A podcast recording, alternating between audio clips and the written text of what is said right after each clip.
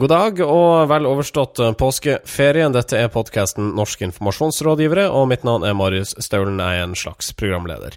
Um, jeg har ikke med meg mine faste deltakere i panelet i dag, fordi dette her er ei Best Off-sending. Vi fikk ikke tid til å spille inn en ny episode pga. ferieavvikling. Derfor så har vi funnet fram noen gode klipp fra arkivene, da fra noen av de litt tidlige episodene. Forhåpentlig til glede for både nye og gamle lyttere. Antagelig mest for nye lyttere, vil jeg anta. Uh, så for å skape en illusjon da av at vi er her hele gjengen, så spør jeg mine paneldeltakere, de er ikke her altså, men jeg har de på tape, uh, er dere enig i at vi setter i gang ei slags Best of-sending her? Vi, vi er helt enig. Da gjør vi det. Norske informasjonsrådgivere.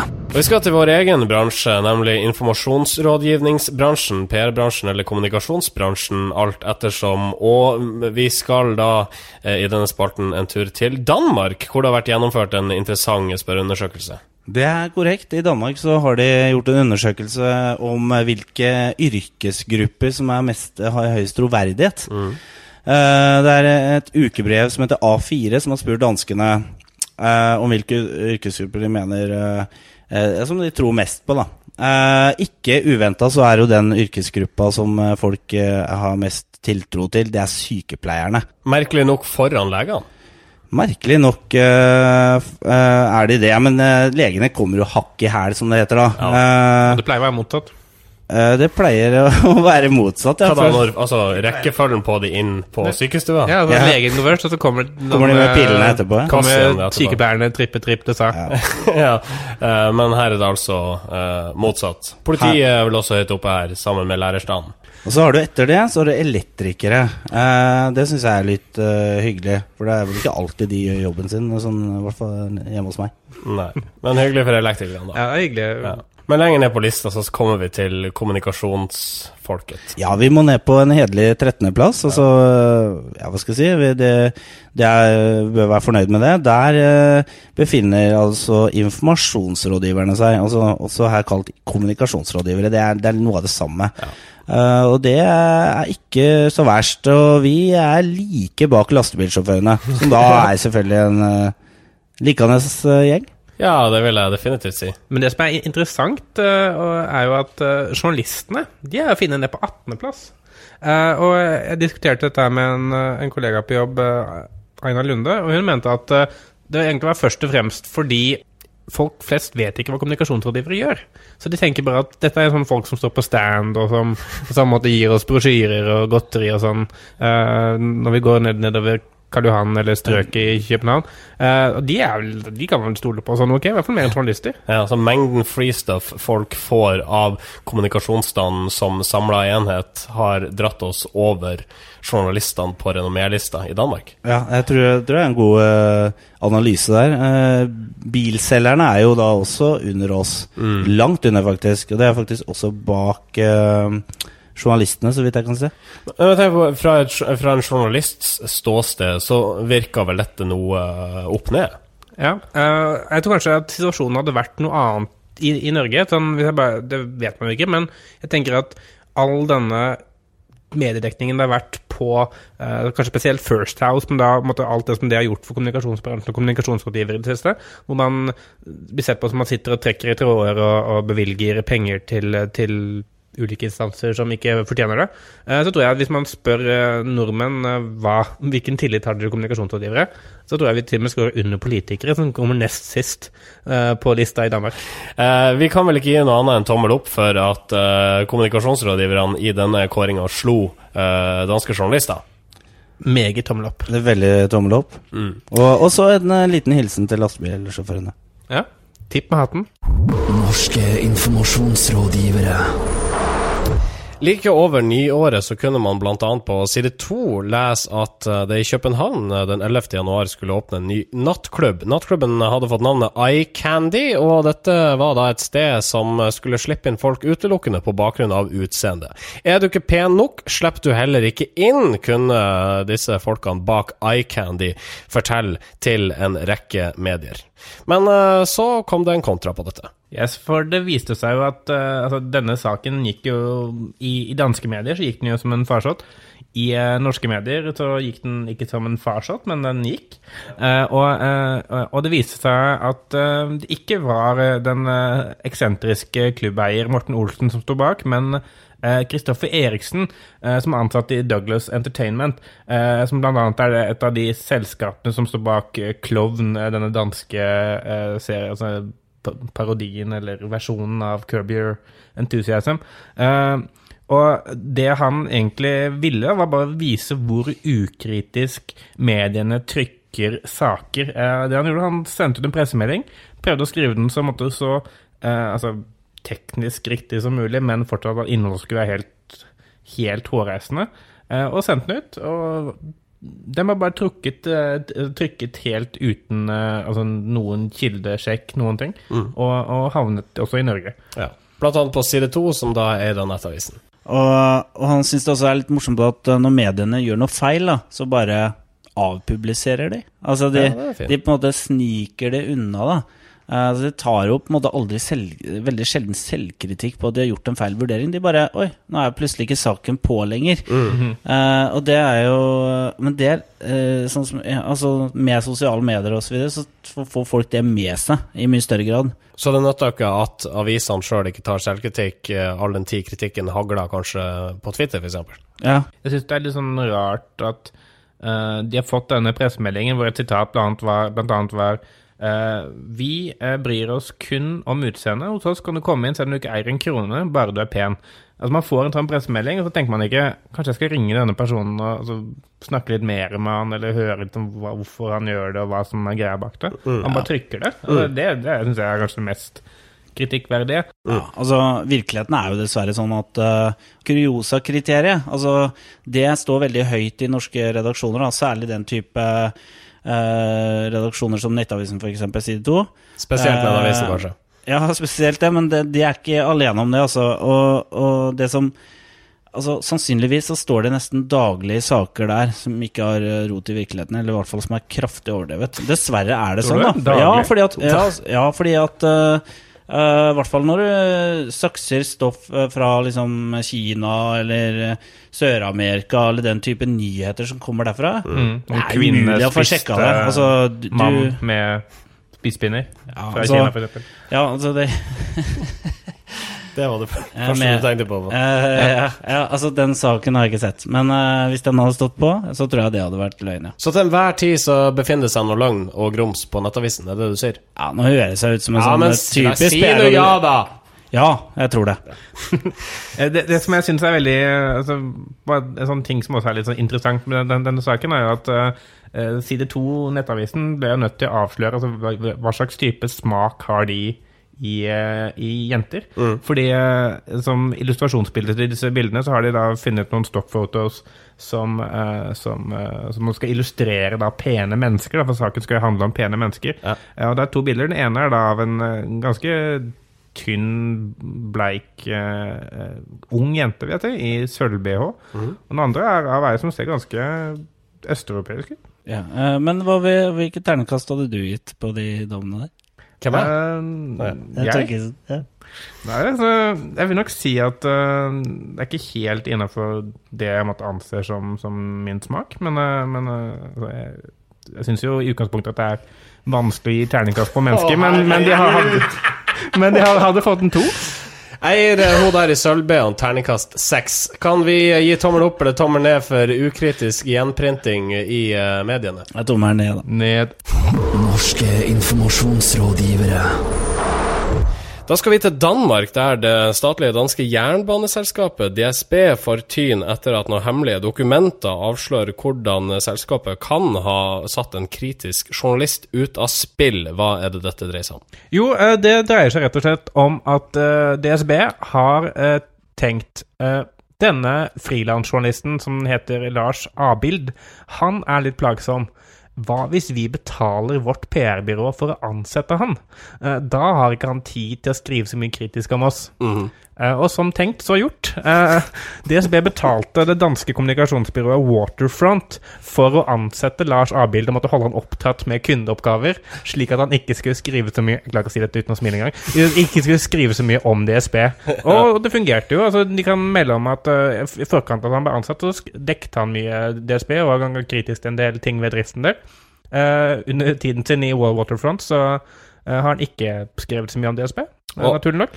Og Abel har jo fått uh, godt betalt. Han har fått rundt 35 000 kroner i måneden, angivelig her, uh, for sitt engasjement i Waterfront, og var sjøl uvitende om at det i realiteten var de danske statsbanene som satt og betalte landet hans. Ja, nei, for Han sier jo det at eh, på et eller annet punkt møtte han jo til og med uh, administrerende i Danske Statsbaner, men han oppfattet det bare som en sånn forsoningsmiddag i og med at han hadde skrevet så mye kritisk om dem. Eh, og Han innså ikke at dette var faktisk liksom starten på hans altså, på komplottet da, som skulle gjøre at han ikke skulle skrive så mye om DSB lenger. Det var faktisk en lønnsforhandling, det han eh, der. Ja. Altså det, den her jobben med å uh, gi PR-bransjen PR-bransjen uh, godt omdømme, den ble ganske greit revet ned her, kan Ja. du si, gjennom det eksempelet her. For det er, her er jo absurd. Altså det er, her må det jo lages en spillefilm, for dette er jo komikk. komikk. Ja, for Altså. dette, dette her er hinsides noe vi har vært borti tidligere. Ja, det vil jeg si. Uh, og, men I tillegg så er jo Waterfront har jo virkelig gått uh, Altså lagt etikken i i søpla, Mm. eller kasta han uh, i søpla, fordi de har jo også fora, eh, angivelig, da, eh, DSB, det er eh, statsbanene, med helseopplysninger om eh, journalisten. Men det jeg syns er litt Det jeg Det som jeg også syns er litt morsomt, da, som jeg, som jeg gjerne skulle ha visst litt mer om, det er hva han produserte av saker. Var det sånn Ja, nei, så stikk ut i eh, botanisk hage og, og, og beskriv Ta noen bilder. Ja. Ta noen bilder og Vi får sikkert på bruk for det. Ja. Ja, ja. Ja, de, de måtte finne opp en hel sånn kundeportefølje som han skulle jobbe med, som Ja. ansette skuespillere som skulle spille toppsjefer hos de kundene som, som han liksom jobbet med. da. Hva eh, har DSB og Waterfront å si til sitt eget forsvar? Eh, Kommer det fram i disse artiklene? De eh, kommenterer ikke eh, saken. De nekter, altså Underdirektøren i DSB og direktøren for PR-byrået nekter at hensikten med samarbeidet har vært å begrense kritiske artikler, sier de. Men, men det fremgår jo tydelig i en e-post da, hvor eh, nettopp eh, de skriver at byrået har en årrekke samarbeidet med Abild for å sikre at han avstår fra å presse DSB i mediene. Mm. Altså, det er ganske svart på hvitt, og eh, det er helt tydelig at eh, det er faktisk det som har skjedd her. Ja. Eh, Abild selv har ikke oppfattet at han har måttet ha altså, Han sier jo å leve av undersøkende journalistikk som frilanser er ikke veldig lett, og gjennom Waterfront ar- arbeidet jeg for kunder med oppgaver jeg fant helt ukontroversielle. Ja, riktig. Eh, og det var vel Abild som også breaka den saken, var det ikke det? Ja, det var han sjøl som gikk til pressen da han oppdaga hva, hva som hadde skjedd, og hva han hadde gjort? Jo, eh, han, eh, han ble fortalt dette her i, i fjor sommer. eh, I en sånn bisetning, sikkert da mm, på, et, på en fuktig sommerfest eller noe sånt. Mm. Eh, og han sa at da jeg først ble fortalt hva som foregikk, trodde jeg rett og slett ikke det var sant. Eh, og det, er, og det er jo, måtte, har ikke blitt noe mer eh, utrolig siden den gang. Eh, så han valgte jo til syvende og sist å gå til DR som da den kritiske journalisten han er. Mm. Hvem er det som lider mest av dette her? Er det Waterfront, eller er det DSB? Jeg synes, altså, dette må eh, på en eller annen måte fordeles ganske jevnt mellom DSB og Waterfront. Uh, Waterfront er kanskje de som har opptrådt mest uredelig, altså på en eller annen sånn syk måte. For det er faktisk de som har ansatt denne personen på helt falske premisser, latet som om det faktisk har vært et ordentlig arbeidsforhold, tatt han inn, latt han jobbe der i flere år og bli kjent med kollegaene, så er alt bare bygd på en løgn. Det er, det er helt sånn altså, Jeg forstår ikke hvordan måtte, de personene i det hele tatt kan se seg i speilet. For det er, sånn, det er jo på et sånn menneskelig nivå også, så er det jo helt forferdelig. Mm. Det er jo litt trist, dette her. Altså, gravejournalistikken eh, er jo, eh, har jo måttet lide uh, pga. avisdøden og mindre budsjetter i mediehusene. Og så liksom det lille som er igjen av Danmarks gravejournalistikk. siste gravejournalist. Ja. Han ansetter vi i et PR-byrå for å skrive om noen blomster og den første hestehoven og annen triviell shit. Ja. Det her blir sånn Jeg føler det her blir eh, er liksom flere tomler ned, blir det ikke Ja. det? Ja, men Det blir spennende å se hvilken plass danske kommunikasjonsrådgivere kommer på sånn yrkesgruppe uh, troverdighetsmessig ved neste rangering. Ja. Ja. Og bare fordi det er obligatorisk, eh, to tomler opp eller to tomler ned. Det er mye tomler ned, altså. Er veldig. Norske informasjonsrådgivere.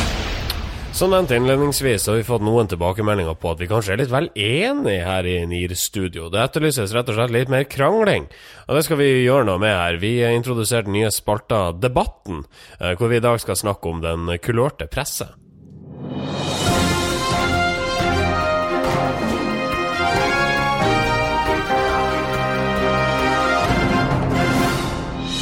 Dagens kjendiser trenger ikke eksponering i sladderpressen for å holde seg i rampelyset. I stedet skaper de egen lykke i andre kanaler med en PR-rådgiver.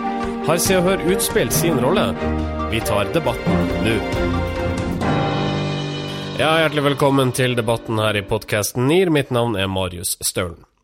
Se og Hør har fått ny redaktør. Ellen Arnstad overtar nå ukebladet. Men det hjelper lite, skal vi tro PR-rådgiver Sindre Holme. Han mener Blekka ikke lenger har livets rett. Ifølge ham klarer dagens kjendiser seg godt på egen hånd, og er slett ikke avhengig av eksponering i det som er landets største sladderblad. Og Holme, hva mener du egentlig med dette utspillet? Ja, Det jeg mener med det, er at uh, det har skjedd mye siden uh, 2002. Hvor uh, da, Den gangen hadde jo Se og Hør opplags, sin opplagsrekord, og de hadde nesten 500 000 i opplag.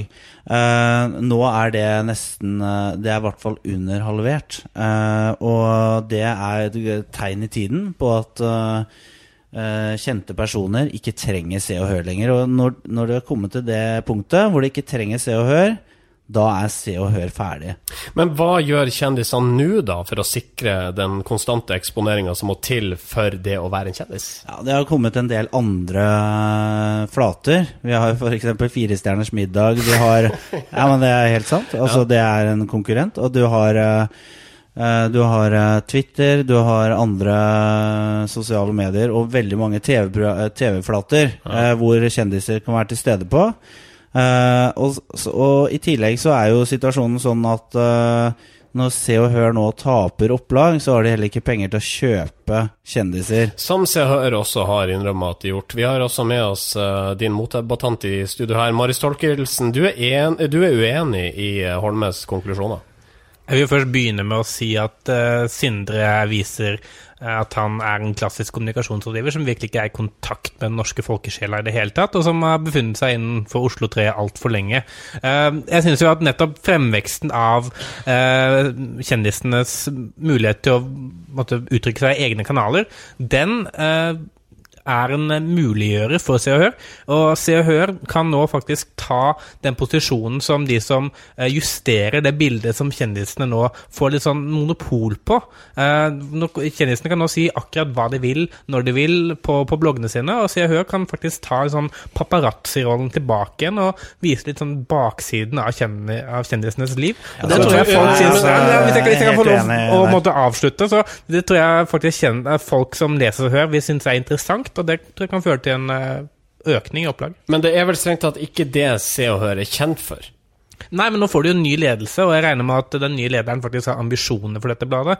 Og hvis uh, Se og Hør skal gjøre noe og motvirke disse tallene, så er det den beste og sannsynligvis den enkleste måten å gjøre det på. Det vil vise også at Se og Hør har sin rolle.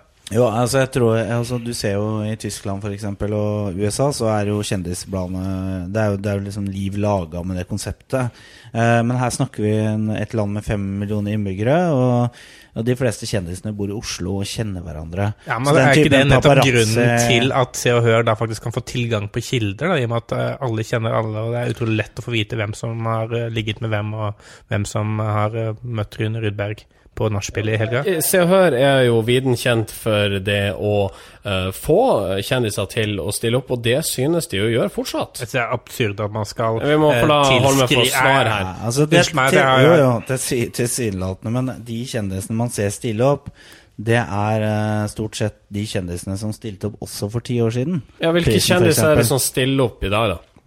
Nei, det er Elda Vågan og Vazelina Billopphuggers og Jenny Jensen og det som er Problemet er jo at uh, Se og Hør, når de mister opplag, så har, de ikke, så har de ikke råd til å betale kjendisene for å utlevere seg lenger. Ja, men dette, dette her Holme, det har du vært inne på før. Og, men kan, er det ikke rom for nei, Se og Hør nei, til ikke, å fornye seg? Nei, det er ikke det. Fordi at uh, Dagbladet og VG har tatt den rollen. Og Åge Aleksandersen altså, Dagbladet på påberoper seg jo uh, etikk. Uh, Se og Hør trenger jo ikke gjøre det, med, i og med at de er en sladrepresseinstans. Så det er andre regler som gjelder for Se og Hør enn det som gjelder for f.eks. Ja, det, det er jo vært tydelig i og med at de faktisk har betalt altså, hatt rykte på seg og for å betale kjendiser tidligere. Men Se og Hør har jo overlevd. Torkelsen, du må nesten vente litt. Se og Hør har jo overlevd på dette her viset i flere tiår. Er det- er ikke det grunn og bevis nok til at de også skal overleve i noen tiår til? Nei, det er ikke det. Og det er det veldig mange andre gode eksempler på. Det er jo ikke gitt at Dagbladet eksisterer om ti år heller.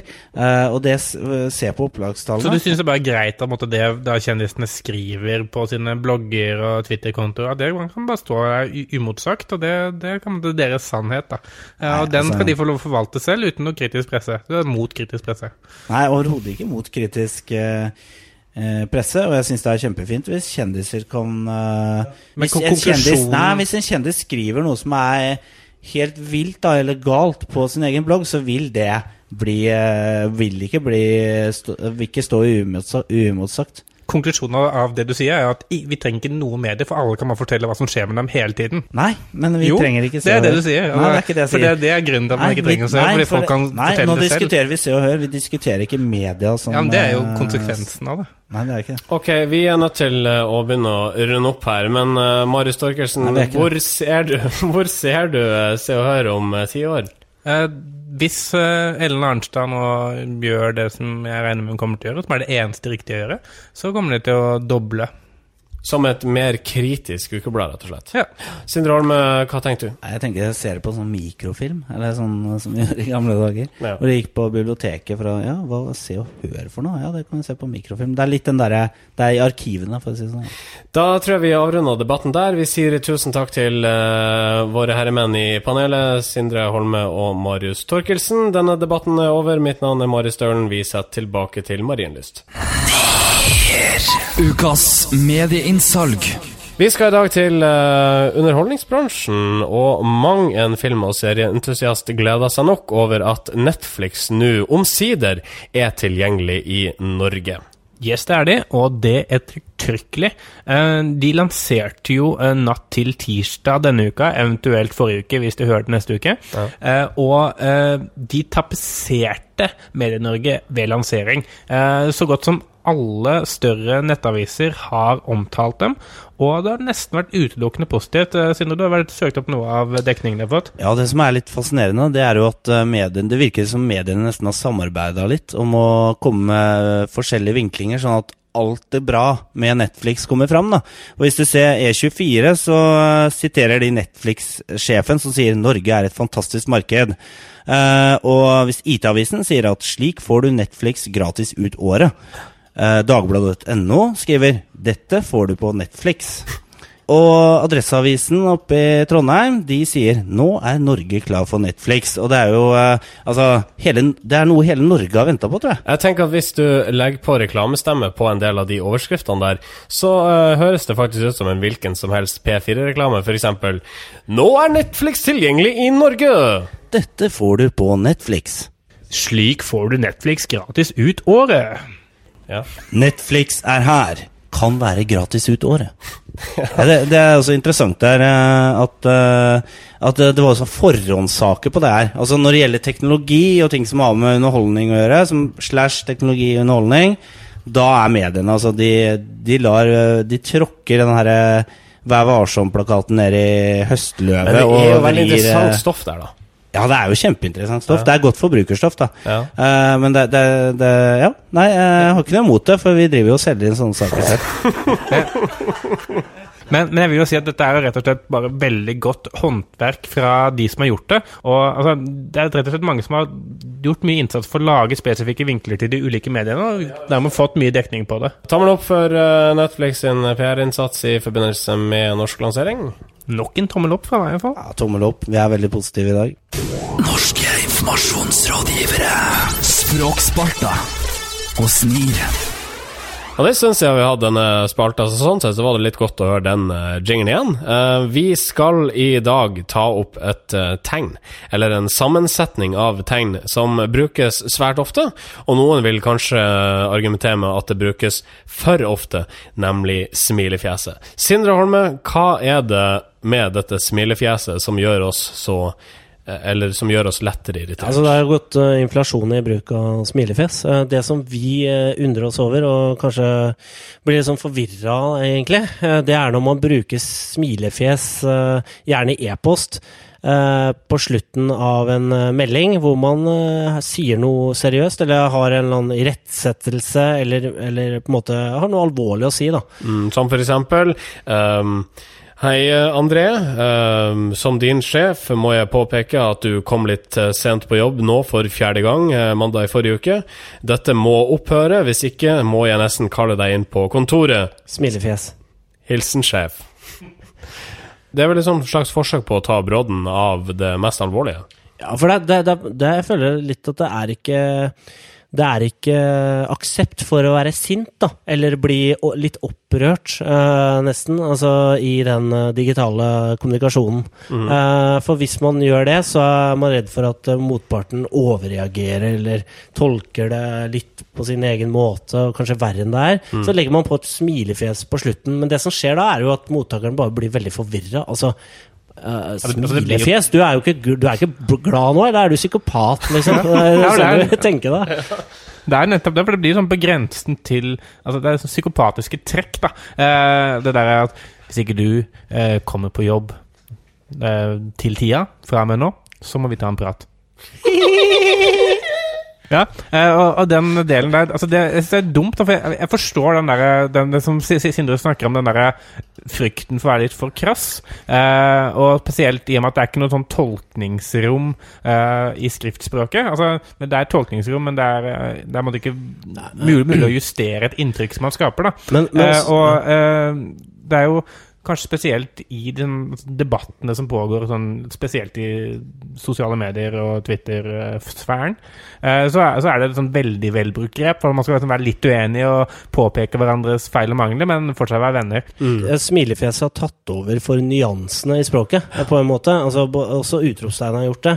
Altså, jeg ser i hvert fall mer og mer at folk uh, eh, svarer kortere, uh, og, så vi, og, og liksom mer eh, bastant, da.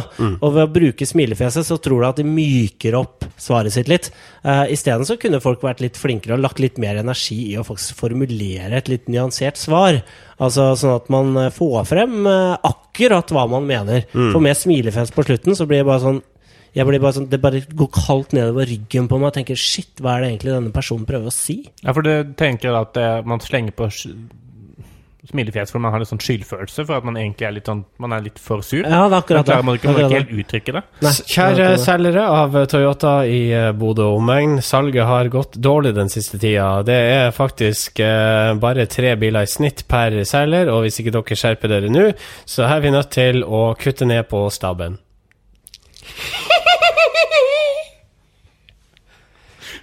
Det er sånn det blir. Ja, det er akkurat sånn det blir. Du har jo et uh, annet eksempel her, uh, Ja, jeg har et eh, såkalt uh, ferskt eksempel. Uh, det er fra um, Facebook-siden til Netflix Norge. Først vil jeg bare sette stemningen. Uh, I går, eh, 11.27, så postet Netflix en eh, post om uh, kritikerroste mm, Ta det ordet en gang til, du.